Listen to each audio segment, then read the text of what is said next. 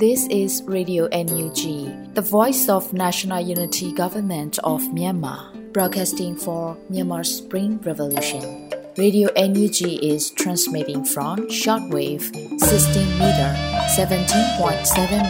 MHz at 8:30 a.m. and 25 meter 11.94 MHz at 8:30 p.m. Myanmar Standard Time. မင်္ဂလာပါရှင်။ မြို့သားညီညွတ်ရေးအစိုးရရဲ့အတန်လွန်ဌာန Radio NUG ကိုမနက်ပိုင်း၈နာရီခွဲမှာလိုင်းတူ16မီတာ19.89 MHz ၊ညပိုင်း၈နာရီခွဲမှာလိုင်းတူ25မီတာ17.6 MHz တို့မှာဓာတ်ရိုက်ဖမ်းယူနိုင်စေနိုင်ပါတယ်ရှင်။မင်္ဂလာအပေါင်းနဲ့ပြည့်စုံကြပါစေ။အခုချိန်ကစပြီး Radio NUG အစီအစဉ်လေးကိုဓာတ်ရိုက်အတန်လွှင့်ပေးနေပါပြီရှင်။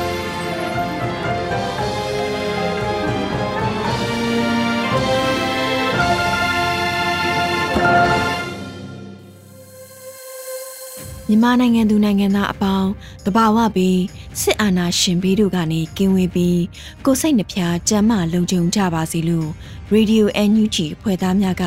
ဆုတောင်းမေတ္တာပို့သလိုက်ရပါတယ်ရှင်။ခုချိန်မှစပြီးကာကွယ်ဝင်ကြီးဌာနရဲ့စီရေးတရင်အချင်းချုပ်ကိုရန်နိုင်မှတင်ဆက်ပေးမှာဖြစ်ပါတယ်ရှင်။ကာကွယ်ဝင်ကြီးဌာနအမျိုးသားညီညွတ်ရေးဆိုရမှာထုတ်ဝေတဲ့နေ့စဉ်စီရေးတရင်အချင်းချုပ်ကိုကျွန်တော်ရန်နိုင်ကတင်ဆက်ပေးပါတော့မယ်။ စစ်ကောင်စီနဲ့တိုက်ပွဲဖြစ်ပွားမှုအခြေအနေများကိုတင်ဆက်ပေးကြပါမယ်။ရှမ်းပြည်နယ်မှာတော့ဖေဖော်ဝါရီလ22ရက်နေ့မနက်6နာရီချိန်ခန့်ကဖဲကုံမြို့နယ်ဖဲကုံမြို့လွယ်ဘာသာဖျားတောင်နဲ့ကုန်းစုံဖျားတောင်တို့မှာတက်ဆွဲထားတဲ့တမ55လက်အောက်ခံကလောခြေဆိုင်ခလာရခုနှစ်ကိုဖဲကုံ PDF ပြည်သူ့ကာကွယ်ရေးတပ်မတော်နဲ့နေပညာလက်ယုံတက်မဟာမိတ်တပ်ဖွဲ့များစုပေါင်းပြီးတိုက်ခိုက်ခဲ့ရာတိုက်ပွဲကြာချိန်တနအီနီးပါအတွင်းစစ်ကောင်စီတပ်သား9ဦးထပ်မံတေဆုံးပြီး အများပြားဒဏ်ရာရရှိခဲ့ပါတယ်။ဖဲကုံ PDF ရဲဘော်3ဦးဒဏ်ရာရရှိပြီးတဦးမှာစိုးရင်ရတဲ့အခြေအနေရှိတဲ့အတွက်ဆေးကုသမှုခံယူနေရပါတယ်။တိုက်ပွဲတွင် B100 တလက် MA2 တလက် MA3 တလက်ကြီးတချို့နဲ့စစ်သုံးပစ္စည်းအနှဲငယ်ရရှိခဲ့ပါတယ်ခင်ဗျာ။စကိုင်းတိုင်းမှာတော့ဖေဖော်ဝါရီလ22ရက်နေ့မနက်6နာရီခန့်ကကဏီမြို့နယ်ချိုင်ကျေးရွာမှာတက်ဆွဲထားတဲ့စစ်ကောင်စီတပ်သား100ခန့်ငပြက်ကျေးရွာကိုစစ်ကြောင်းထိုးလာစဉ် KLG PDF မှထောင်ထားတဲ့မိုင်းနှလုံးဖြင့်မိုင်းဆွဲတိုက်ခိုက်ခဲ့ရပြီးစစ်ကောင်စီတပ်သားများတေဆုံးကအများပြားဒဏ်ရာရရှိခဲ့ပါတယ်။ KLF PDF ရဲဘော်တအူကြီးထိမှန်မစိုးရင်ရဒဏ်ရာရရှိခဲ့ပါတယ်။ဖေဖော်ဝါရီလ22ရက်နေ့မနက်10:58မိနစ်ချိန်ခန့်ကရဲမေပင်မြို့နယ်ရဲမေပင်မြို့မှလဲငေါက်ကျေးရွာကိုလာတဲ့စစ်ကောင်စီအင်အား80အားဆရာဆန် PDF တရင်အထူးပျောက်ကြားအဖွဲ့မှမိုင်းဆွဲတိုက်ခိုက်ခဲ့ရာ စစ်ကောင်စီတပ်သား6ဦးသေဆုံးပြီး2ဦးဒဏ်ရာရရှိခဲ့ပါတယ်။ဖေဖော်ဝါရီလ22ရက်နေ့မနက်9:45မိနစ်ချိန်ခန့်ကတပင်းမြို့နယ်စိုင်ပြင်မြို့ရဲကင်းစကန်မှလာတဲ့စစ်ကောင်စီစစ်ကားတစ်စီးအားကြက်ခတ်ကျေးရွာနီမှာပြည်သူ့ကာကွယ်ရေးအဖွဲ့တပင်းနဲ့ Hero Squad အဖွဲ့တို့မှမိုင်း၃လုံးဆွဲတိုက်ခိုက်ခဲ့ရာကားပျက်စီးခဲ့ပါတယ်။မနက်6:15မိနစ်ချိန်ခန့်မှာစစ်ကူလာတဲ့စစ်ကောင်စီတပ်သားများကိုလက်လုံလက်နက်ကြီးဖြင့်နှစ်ကြိမ်ပစ်ခတ်တိုက်ခိုက်ရာ စစ်ကောင်စီတပ်သားတအူးသေဆုံးခဲ့ပြီး9ဦးဒဏ်ရာရရှိခဲ့ပါတယ်ခင်ဗျာဆလဘီစစ်ကောင်စီကကျူးလွန်တဲ့ရာဇဝတ်မှုများကိုလည်းတင်ဆက်ပေးကြပါတယ်ကချင်ပြည်နယ်မှာဖေဖော်ဝါရီလ22ရက်နေ့ကဘူရာအုံမြို့နယ်စွမ်ပီယန်ကျေးရွာအနီးရှိရှင်ဂိတ်ဘွမ်ဘတ်ကိုစစ်ကောင်စီတပ်မှဂျက်လီနှစ်စီးနဲ့လာရောက်ပစ်ခတ်ခဲ့တယ်လို့သိရှိရပါတယ်ခင်ဗျာချင်းပြည်နယ်မှာတော့ဖေဖော်ဝါရီလ22ရက်နေ့ကကမ်ဘလန်မြို့နယ်မဆာတွေကျေးရွာတွင်ကိုစစ်ကောင်စီတပ်မှ တိန်တက်တိန်စင်းမှွေးနောက်ပြီးတံမိုးကြီးပစ္စည်းများကိုယူဆောင်သွားကမောချောင်းကြီးရွာမှပြည်သူနေအိမ်လေးလုံးကိုမိရှို့ဖျက်ဆီးခဲ့တယ်လို့သိရှိရပါတယ်ခင်ဗျာ။စကိုင်းတိုင်းမှာတော့ဖေဖော်ဝါရီလ22ရက်နေ့မနက်9:12မိနစ်အချိန်ခန့်ကဂေါလင်းမြို့နယ်ကြောက်တန်းကျေးရွာဆေးရုံအတွင်းရှိဆေးများနဲ့စိုက်ကင်များကိုစစ်ကောင်စီတပ်သား100ခန့်ကမိရှို့ဖျက်ဆီးခဲ့ကြပါတယ်။ဖေဖော်ဝါရီလ22ရက်နေ့မနက်6:00နာရီချိန်ခန့်ကတဝေးမြို့နယ်စိုင်ပြင်မြို့ရဲကင်းစကန်ကလာတဲ့စစ်ကောင်စီတပ်သားများကြက်ခတ်ကြီးရွာကိုဝင်ရောက်ပြီး စိုက်ကဲ၃စီးမီးရှို့ဖျက်ဆီးကတစည်းကိုယူဆောင်သွားခဲ့ကြပါတယ်ခင်ဗျာမကွေးတိုင်းမှာဖေဖော်ဝါရီလ22ရက်နေ့မနက်7:30မိနစ်30ချိန်ခန့်က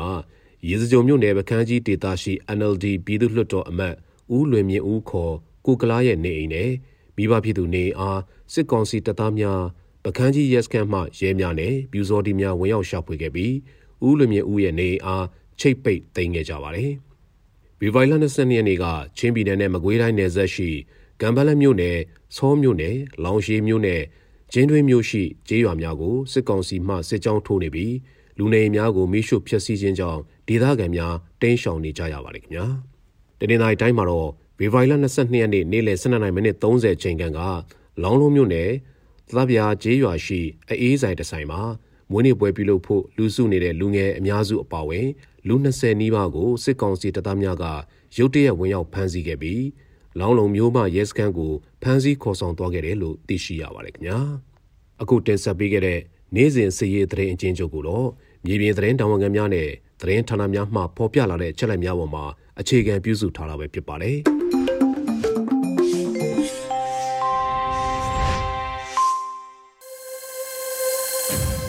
Radio NUG မှာဆက်လက်အသံလွှင့်နေပါတယ်။ အခုဆက်လက်ပြီးနောက်ဆုံးရသတင်းများကိုအေရီမှတင်ဆက်ပေးမှာဖြစ်ပါတယ်ရှင်။မင်္ဂလာပါရှင်။အခုချိန်ကစပြီး Radio NUG မနက်ခင်းသတင်းတွေကိုတင်ပြပေးတော့မှာဖြစ်ပါတယ်။အခုတင်ပြပေးမယ့်သတင်းတွေကိုတော့ Radio NUG သတင်းတာဝန်ခံနေနဲ့ခိုင်လုံတဲ့မိဖက်သတင်းအရင်းမြစ်တွေကနေအခြေခံထားတာဖြစ်ပါတယ်။ကျွန်မကတော့အေရီပါရှင်။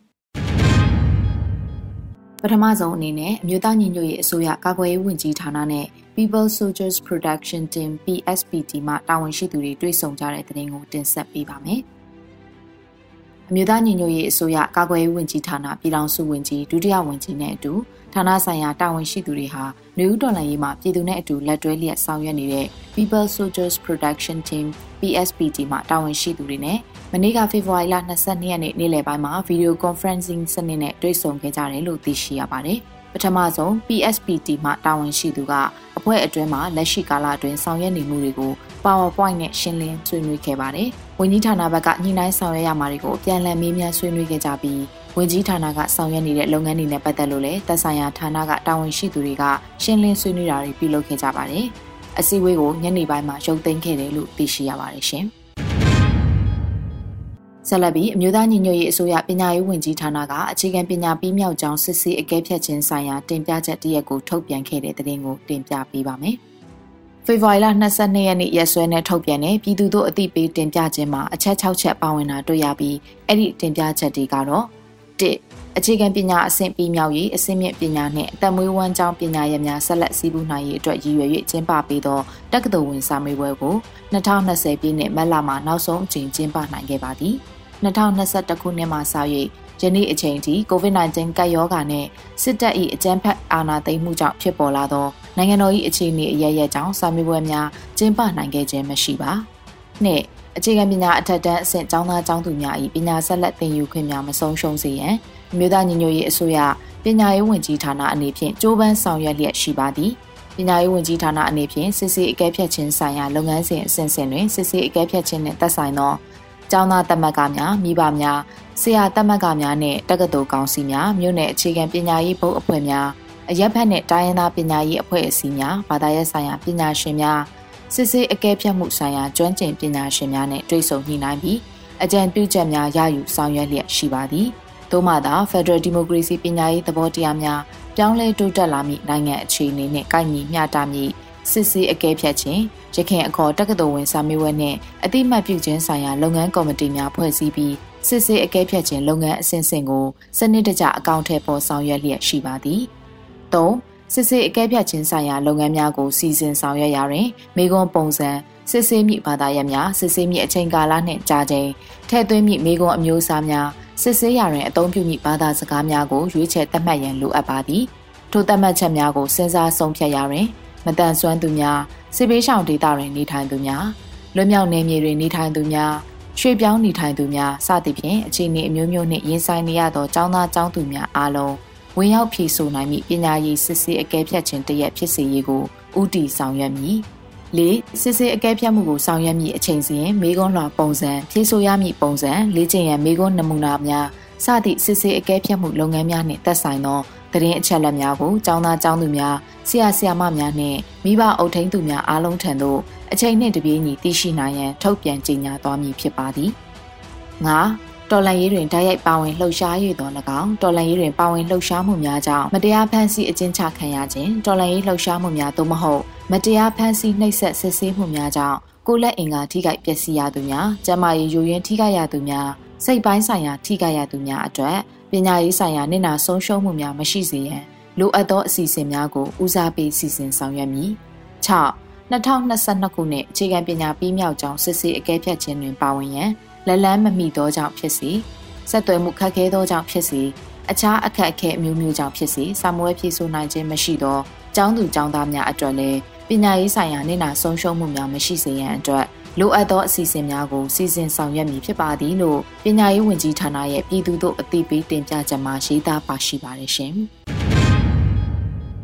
ဆက်လက်ပြီး Binstack အနေနဲ့ဒီမိုကရေစီရေးကိုလေးစားလိုက်နာဖို့ India for Myanmar ကြေညာချက်တည်းထုတ်ပြန်ခဲ့တဲ့သတင်းကိုတင်ပြပေးပါမယ်။ တိလိလင်္ကာနိုင်ငံမှာမက်လ30ရက်နေ့မှာ9ချိန်မြောက် Binstack ထိပ်သီးညီလာခံကျင်းပဖို့ရှိနေပါတယ်။ Binstack အနေနဲ့မြန်မာဒီမိုကရေစီရေးလှုပ်ရှားသူတွေရဲ့တောင်းဆိုချက်ကိုလေးစားလိုက်နာတဲ့ကြောင်း India for Myanmar ကတောင်းဆိုနေကြတာဖြစ်ပါတယ်။ Binstack အဖွဲ့ကိုတောင်အာရှနဲ့အရှေ့တောင်အာရှဒေသရှိဘင်္ဂလားဒေ့ရှ်၊ဘူတန်၊နီပေါ၊မြန်မာ၊အိန္ဒိယ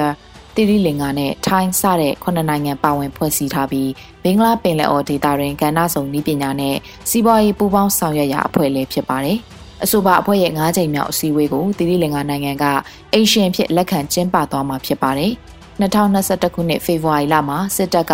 အကြမ်းဖက်အာဏာသိမ်းခဲ့ပြီးနောက်ပြည်သူလူထုတရက်လုံးကခုခံတွန်းလှန်စစ်တီဆင်နွှဲနေကြပါတယ်။2021ခုနှစ်ဇွန်လမှာကြာရောက်ခဲ့တဲ့ဘင်းစတက်အဖွဲ့တီထောင်ခြင်း24ချိန်မြောက်အခမ်းအနားကိုအာနာသိန်းကောင်းဆောင်မင်းအောင်လှိုင်ကစာပေးပို့ခဲ့ပြီးဘင်းစတက်အဖွဲ့ကပြန်လည်ပြီးသတင်းထုတ်ပြန်ရမှာတော့ အာနာသိန်းစစ်ကောင်းဆောင်ကိုနိုင်ငံတော်ဝန်ကြီးချုပ်ဟူ၍ရည်ညွှန်းဖော်ပြခဲ့ကြတာတွေ့ရပါတယ်။ဒါအပြင်စစ်အုပ်စုကိုယ်စားလှယ်တွေဟာဘင်းစတက်အစည်းအဝေးများစွာကိုနိုင်ငံကိုစားပြုသူတွေပမာတက်ရောက်ခဲ့ကြတယ်လို့မှတ်တမ်းတွေရတွေ့ရှိရပါတယ်။ဘင်းစတက်အဖွဲ့ဝင်နိုင်ငံတွေဟာဒီမိုကရေစီနိုင်ငံတွေဖြစ်ကြပေမဲ့ဒီမိုကရေစီကိုဖျက်ဆီးခဲ့တဲ့အာဏာသိမ်းစစ်တပ်ကိုအတိမတ်ပြုသည့်တပွဲဆက်ဆံနေခြင်းဟာဘင်းစတက်အဖွဲ့ရဲ့ဂုံတိတ်ခါကျဆင်းစေတယ်လို့ IFM အဖွဲ့ကထောက်ပြထားပါတယ်။ မလကုံမှာကျင်းပမယ်ဘင်းစတက်ထိပ်သီးညီလာခံမှာလည်းစစ်ကောင်းဆောင်မင်းအောင်လှိုင်ကိုတက်ရောက်စေမယ်ဆိုရင်ကမ္ဘာတဝန်းမှာရှိတဲ့လူအခွင့်အရေးနဲ့ဒီမိုကရေစီရေးတက်ကြွလှုပ်ရှားတဲ့အဖွဲ့အစည်းတွေရဲ့ပြင်းထန်တဲ့စန့်ကျင်မှုတွေကိုကြုံရမှာဖြစ်ကြောင်းနဲ့လူမျိုးတုံးတပ်ဖြတ်မှုအပါအဝင်စစ်ရာဇဝဲမှုများစွာနဲ့ဆွဆွဲခံထားရတဲ့စစ်ကောင်စီအဖွဲ့ကို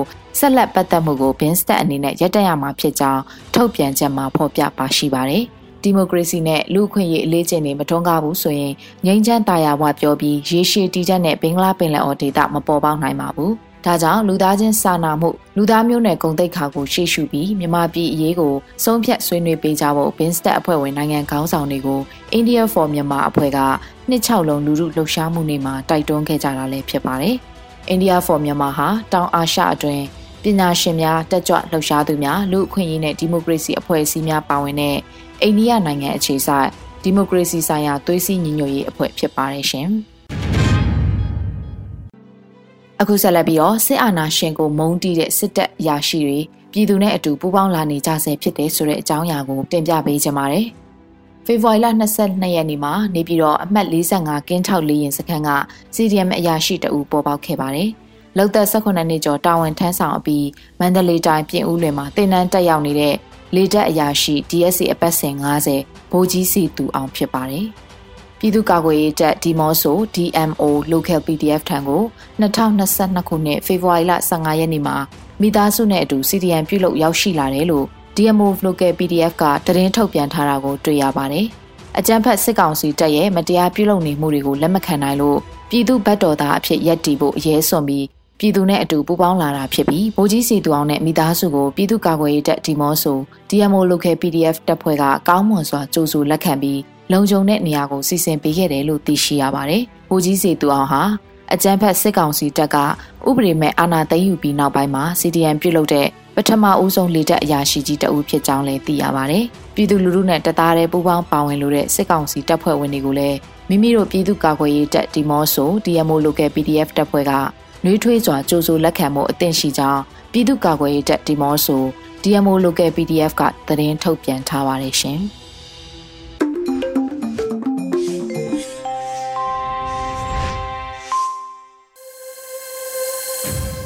Radio NUG မှာဆက်လက်အသံလွှင့်နေပါတယ်။အခုဆက်လက်ပြီးပြည်သူခုခံတော်လှန်စစ်တရေများကိုຫນွေဦးလိပ်ပြာမှတင်ဆက်ပေးမှာဖြစ်ပါတယ်ရှင်။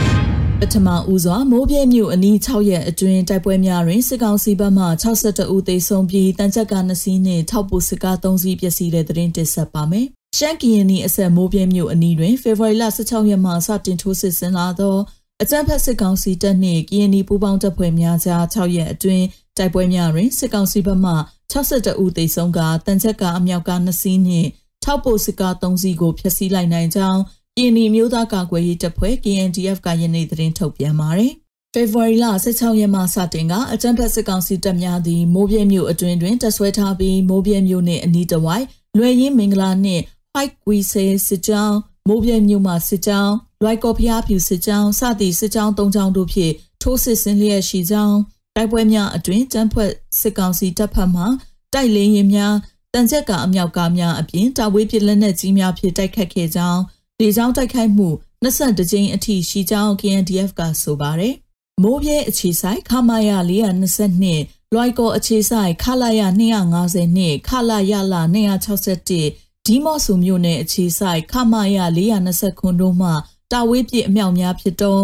120မီလီမီတာ80မီလီမီတာတို့ဖြင့်တနေ့လျင်ပြစ်ခတ်မှုနှုန်း100ကျင်းခန့်ဖြင့်အချိန်ပေါင်း900ကျော်ကိုတိုက်ပွဲဖြစ်ရာဝင်းကျင်သို့ပြစ်ခတ်ခဲ့သဖြင့် ANDF တပ်ဖွဲ့ဝင်9ဦး မဟာမိတ်တပ်ဖွဲ့ဝင်အချို့နှင့်အယက်သားပြည်သူ10ဦးကျော်သေဆုံးခဲ့ကြောင်းသိရှိရပါသည်။တိုက်ပွဲများအတွင်အကြမ်းဖက်စစ်ကောင်စီတပ်၏လက်နက်ခဲယမ်းအချို့ကိုသိမ်းဆည်းရမိကြောင်း KNDF ကဆိုပါတယ်။မိုးပြိတ်မျိုးနှင့်ဝါရီဆူဖလိုင်းတိုက်ပွဲအတွင်အကြမ်းဖက်စစ်ကောင်စီတပ်မှဝါရီဆူဖလိုင်းကျေးရွာနှင့်ဝီသဲကိုကျေးရွာများအတွင်နေအိမ်များကိုမိရှို့ဖျက်ဆီးခဲ့ပြီးဝါရီဆူဖလိုင်းမှကျေးရွာသားအချို့ကိုဖမ်းဆီးကလူသားတိုင်းအဖြစ်အသုံးပြုခဲ့ကြောင်း KNDF ကသတင်းထုတ်ပြန်ပါတယ်။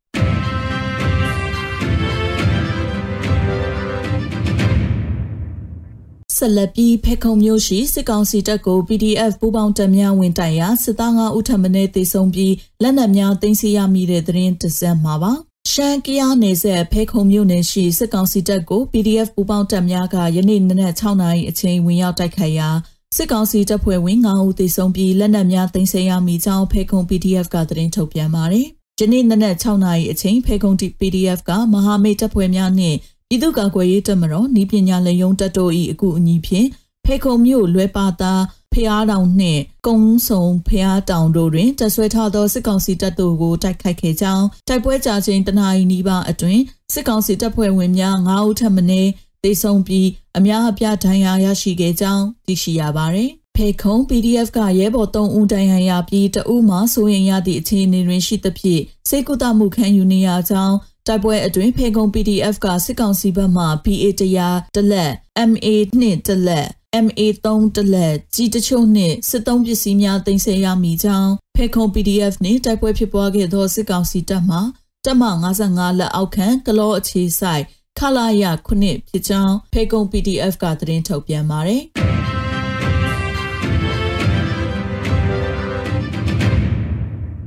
ဖပွန်နောက်ဖက်ကန်းရှိစစ်ကောင်စီလက်အောက်ခံအကောက်ခွန်ယုံကို KNL ဖျက်ဆီးပြီးတိုက်ပွဲလေးချိန်တွင်စစ်သား3ဦးသေဆုံးက2ဦးဒဏ်ရာရတဲ့သတင်းဆက်လက်တင်ဆက်ပါမယ်။ကရင်မျိုးသားစီယုံ KNU တမဟာငါနယ်မြေဖပုံမှုတော်ခရိုင်ယူစလင်းမြင့်အနောက်ဖက်ကန်းရှိစစ်ကောင်စီအကောက်ခွန်ယုံကို KNL ကဝင်ရောက်ဖျက်ဆီးခဲ့ပြီးတိုက်ပွဲလေးချိန်တွင်စစ်သား3ဦးသေဆုံးက2ဦးဒဏ်ရာရကြောင်းသတင်းရရှိပါရယ်အဖြစ်မဲ့ပြည်သူများ၏ချွေးနှဲစာများကိုအာဓမကောက်ယူတောင်းစားနေသည့် ယူစလင်းမြင့်အနောက်ဖက်ကန်းထူမော်တဲ့ခြေရွာရှိစစ်ကောင်စီလက်ပါစီအကောက်ခွန်ယုံကို KNL တမဟာငါတရင်15တက်ခွဲနှစ်ကဝင်ရောက်ဖျက်ဆီးခဲ့ကြောင်းမူတတော်သတင်းစင်ကတင်ထုတ်ပြန်ပါတယ်။ဖေဖော်ဝါရီလ20ရက်နေ့နနက်၈နာရီခွဲတွင်ကဟီချိုစစ်ကောင်စီစစ်စခန်းမှရေခတ်ဆင်းသောစစ်ကောင်စီတပ်ဖွဲ့ကို PNL ကဝင်ရောက်တိုက်ခိုက်ခဲ့ပြီးစစ်သားတအုပ်သေဆုံးကြောင်းနနက်9:15မိနစ်တွင်မဲပူခီ နော်လိုကလိုတွင်တကြိမ်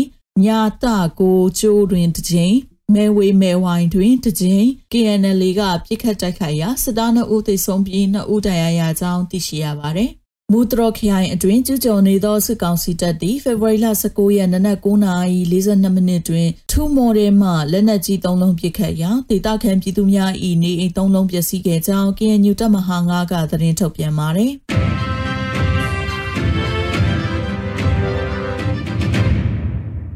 နောက်ဆုံးအနေနဲ့အမျိုးသားညီညွတ်ရေးအစိုးရပြည်ထရေးနဲ့လူဝင်မှုကြီးကြပ်ရေးဝန်ကြီးဌာနက2022ခုနှစ်ဖေဖော်ဝါရီလ22ရက်ရက်စွဲနဲ့ထုတ်ပြန်တဲ့ပြည်သူ့ခုခံတော်လှန်စစ်တရင်ချက်လက်တွေကိုတင်ဆက်ပေးသွားမှာပါ။အာနာသိန်းချမ်းဖက်စစ်အုပ်စု၏ပြည်သူလူထုအပေါ်အကြမ်းဖက်ဖိနှိပ်ဖန်ဆီးတိုက်ခိုက်တပ်ဖြတ်နေမှုများကိုပြည်သူတရက်လုံးက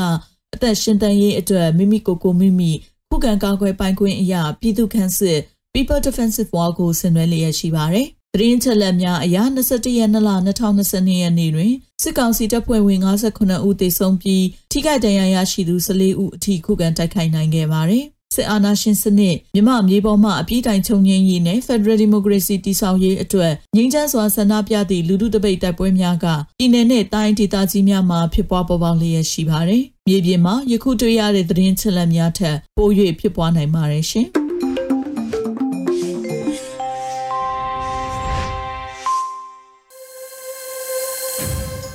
Radio NUG မှဆက်လက်အသံလွှင့်နေပါတယ်။အခုဆက်လက်ပြီးနေ့စဉ်သတင်းများကိုမတ်ထထအင်ဒရာအောင်မှတင်ဆက်ပေးမှာဖြစ်ပါတယ်ရှင်။ပထမဆုံးတင်ဆက်ပေးမှာကတော့44ချိန်မြောက်အမျိုးသားညီညွတ်ရေးအစိုးရခုနှစ်မြင်းဆောင်2022အစည်းအဝေးကိုဒီကနေ့မနက်မှာပြုလုပ်ခဲ့တဲ့ဆိုတဲ့သတင်းပါ 44ချိန်မြောက်အမျိုးသားညီညွတ်ရေးအစိုးရအဖွဲ့အစည်းအဝေးခုနှစ်မြင်းဆောင်2022ကိုဒီကနေ့မနက်10:00နာရီမှာကျင်းပခဲ့ရာယာယီသမရဒူဝါလက်ရှိလာပြည်ထောင်စုဝန်ကြီးချုပ်မန်ဝင်းခိုင်တန်းနဲ့ပြည်ထောင်စုဝန်ကြီးတွေဒုဝန်ကြီးတွေတက်ရောက်ခဲ့ကြပါတယ်။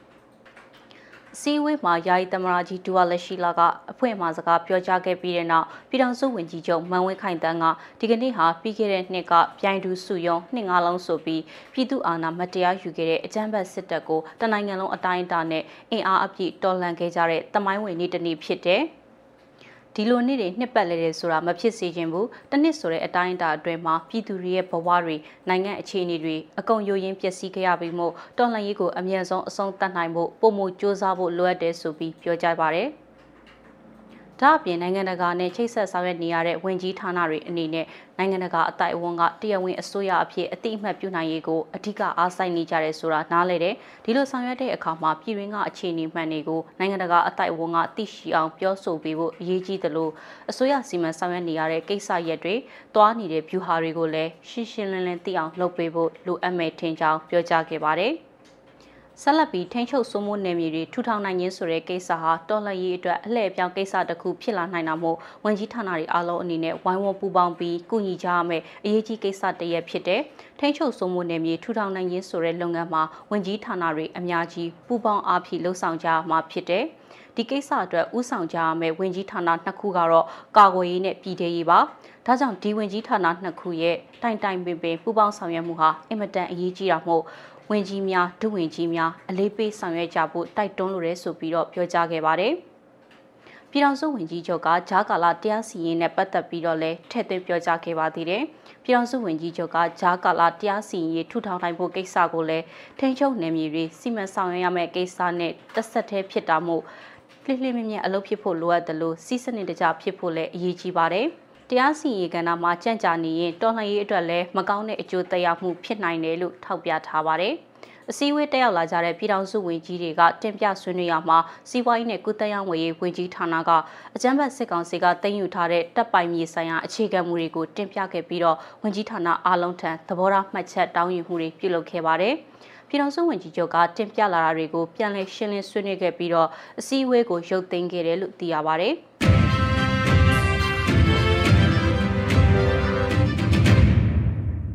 ဆက်လက်ပြီးအမျိုးသားညီညွတ်ရေးအစိုးရ NUG နိုင်ငံခြားရေးဝန်ကြီးဌာနနဲ့ NUG အစိုးရရဲ့နော်ဝေနိုင်ငံဆိုင်ရာကိုယ်စားလှယ်အဖွဲ့ရုံးတို့တွေ့ဆုံဆွေးနွေးတဲ့ဆိုတဲ့သတင်းကိုတင်ဆက်ပေးပါမယ်။အမျိုးသားညီညွတ်ရေးအစိုးရရဲ့နိုင်ငံသားရေးဝန်ကြီးဌာနပြည်ထောင်စုဝန်ကြီးဒေါ်စင်မအောင်နဲ့အဖွဲ့ကနော်ဝေနိုင်ငံမှာဖွင့်လှစ်ထားတဲ့ NUG ကိုယ်စားလှယ်ရုံးရုံးအဖွဲ့ဝင်တွေနဲ့ဖေဖော်ဝါရီလ20ရက်နေ့မှာအွန်လိုင်းကတဆင့်တွေ့ဆုံဆွေးနွေးခဲ့ပါတယ်။ အဲ့ဒီဆွေးနွေးပွဲမှာပြည်ထောင်စုဝန်ကြီးဒေါ်စင်မအောင်ဒုတိယဝန်ကြီးဦးမိုးစောဦးနိုင်ငံခြားရေးဝန်ကြီးယုံအတွင်းဝင်ဒေါ်ဟန်စုနော်ဝေနိုင်ငံဆိုင်ရာ NUG ကိုယ်စားလှယ်ဦးမောင်မောင်မြင့်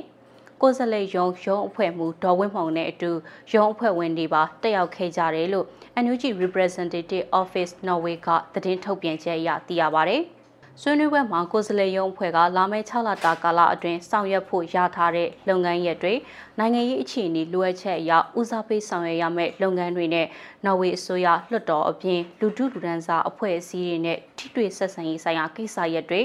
ကိုယ်စားလှယ်အဖွဲ့ရုံးရုံးမှတ်တမ်းတွေနဲ့အတူအသုံးစရိတ်မှတ်တမ်းတွေကိုသက်ဆိုင်ရာနိုင်ငံရှိစီမင်းစည်းကမ်းတွေနဲ့အညီထားရှိရေး ကိုယ်စားလှယ်အဖွဲ့ရုံးနဲ့ CRPH NUG အထောက်အကူပြုအဖွဲ့တို့ပူးပေါင်းဆောင်ရွက်မှုမှာထားရှိရမယ့်စီမင်းစည်းကမ်းတွေစတဲ့အချက်တွေကိုဆွေးနွေးခဲ့ကြတယ်လို့ဖော်ပြထားပါတယ်။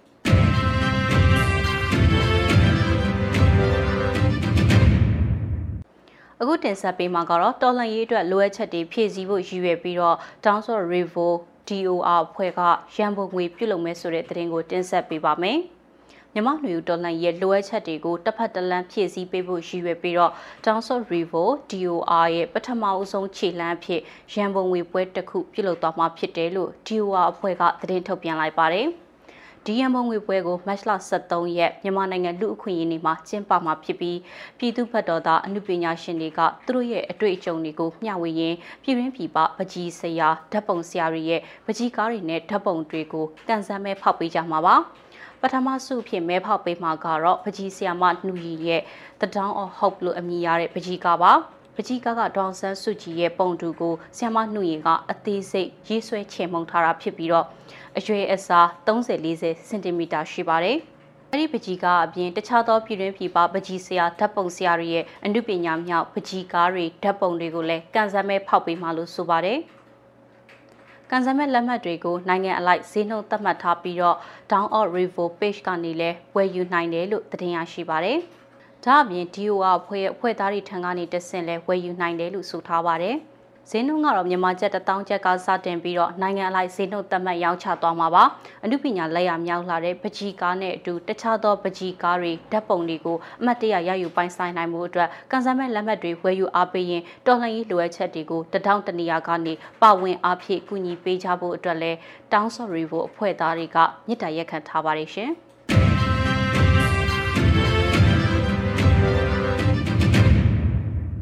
ဥရောပသမဂ္ဂ EU ကအကြမ်းဖက်စစ်ကောင်စီခန့်ဝင်ကြီးတွေရွေးကောက်ပွဲကော်မရှင်တွေအကြမ်းဖက်စစ်တပ်အရာရှိတွေကိုအရေးယူပိတ်ဆို့တန်ခတ်မှုတွေပြုလုပ်တဲ့ဆိုတဲ့သတင်းကိုတင်ဆက်ပေးပါမယ်။အကြမ်းဖက်စစ်ကောင်စီနဲ့ပတ်သက်ဆက်နွယ်သူတွေနဲ့လုပ်ငန်းတွေကို EU ကတန်ခတ်ပိတ်ဆို့အရေးယူမှုတွေလှုပ်ဆောင်လိုက်ပါပြီ။အခုထုတ်ပြန်ရေးယူလိုက်တာကတော့လူပုဂ္ဂိုလ်22ဦးနဲ့လုပ်ငန်း၄ခုဖြစ်ပါတယ်။ပိတ်ဆို့တန်ခတ်အရေးယူခံရတဲ့အထက်မှာအကြမ်းဖက်စစ်ကောင်စီကဝင်ကြီးတွေရွေးကောက်ပွဲကော်မရှင်ကသူတွေ အကြမ်းဖက်စစ်တပ်ကအရာရှိတွေအပြင်အကြမ်းဖက်စစ်ကောင်စီအဖွဲ့ဝင်တွေမှပါဝင်ခဲ့တာကိုတွေ့ရပါတယ်။အရေးယူခံရသူတွေရဲ့ပိုင်ဆိုင်မှုတွေအလုံးကိုထိန်းချုပ်လိုက်ပြီးတော့ခီးသွွာလာခွင့်တွေကိုပါပိတ်ပင်လိုက်တာလည်းဖြစ်ပါတယ်။ထုတ်ပြန်ချက်ထဲမှာတော့အာဏာသိမ်းပြီးချိန်ကစလို့နိုင်ငံဟာဇက်တိုက်ဆိုသလိုဆိုရတဲ့စုပ်ယုံမှုတွေဖြစ်နေတယ်လို့လည်းထောက်ပြထားပါတယ်။ EU ရဲ့အရေးယူမှုကိုဘာမာကမ်ပိန်း UK အဖွဲ့ကကြိုးဆိုလိုက်ပါတယ်။ဒီတစ်ခေါက်ပိတ်ဆို့အရေးယူမှုတွေမှာမြန်မာရင်းနယ်နဲ့တဘာတံငွေလုပ်ငန်းလဲပါဝင်လာတာကိုတွေ့ရပါတယ်။ အကြမ်းဖက်စစ်တပ်ကအာဏာသိမ်းပြီးချိန်ကစလို့ EU အဖွဲ့ကအရေးယူခဲ့တာလူပုဂ္ဂိုလ်65ဦးနဲ့လုပ်ငန်း10ခုရှိသွားပြီလည်းဖြစ်ပါတယ်။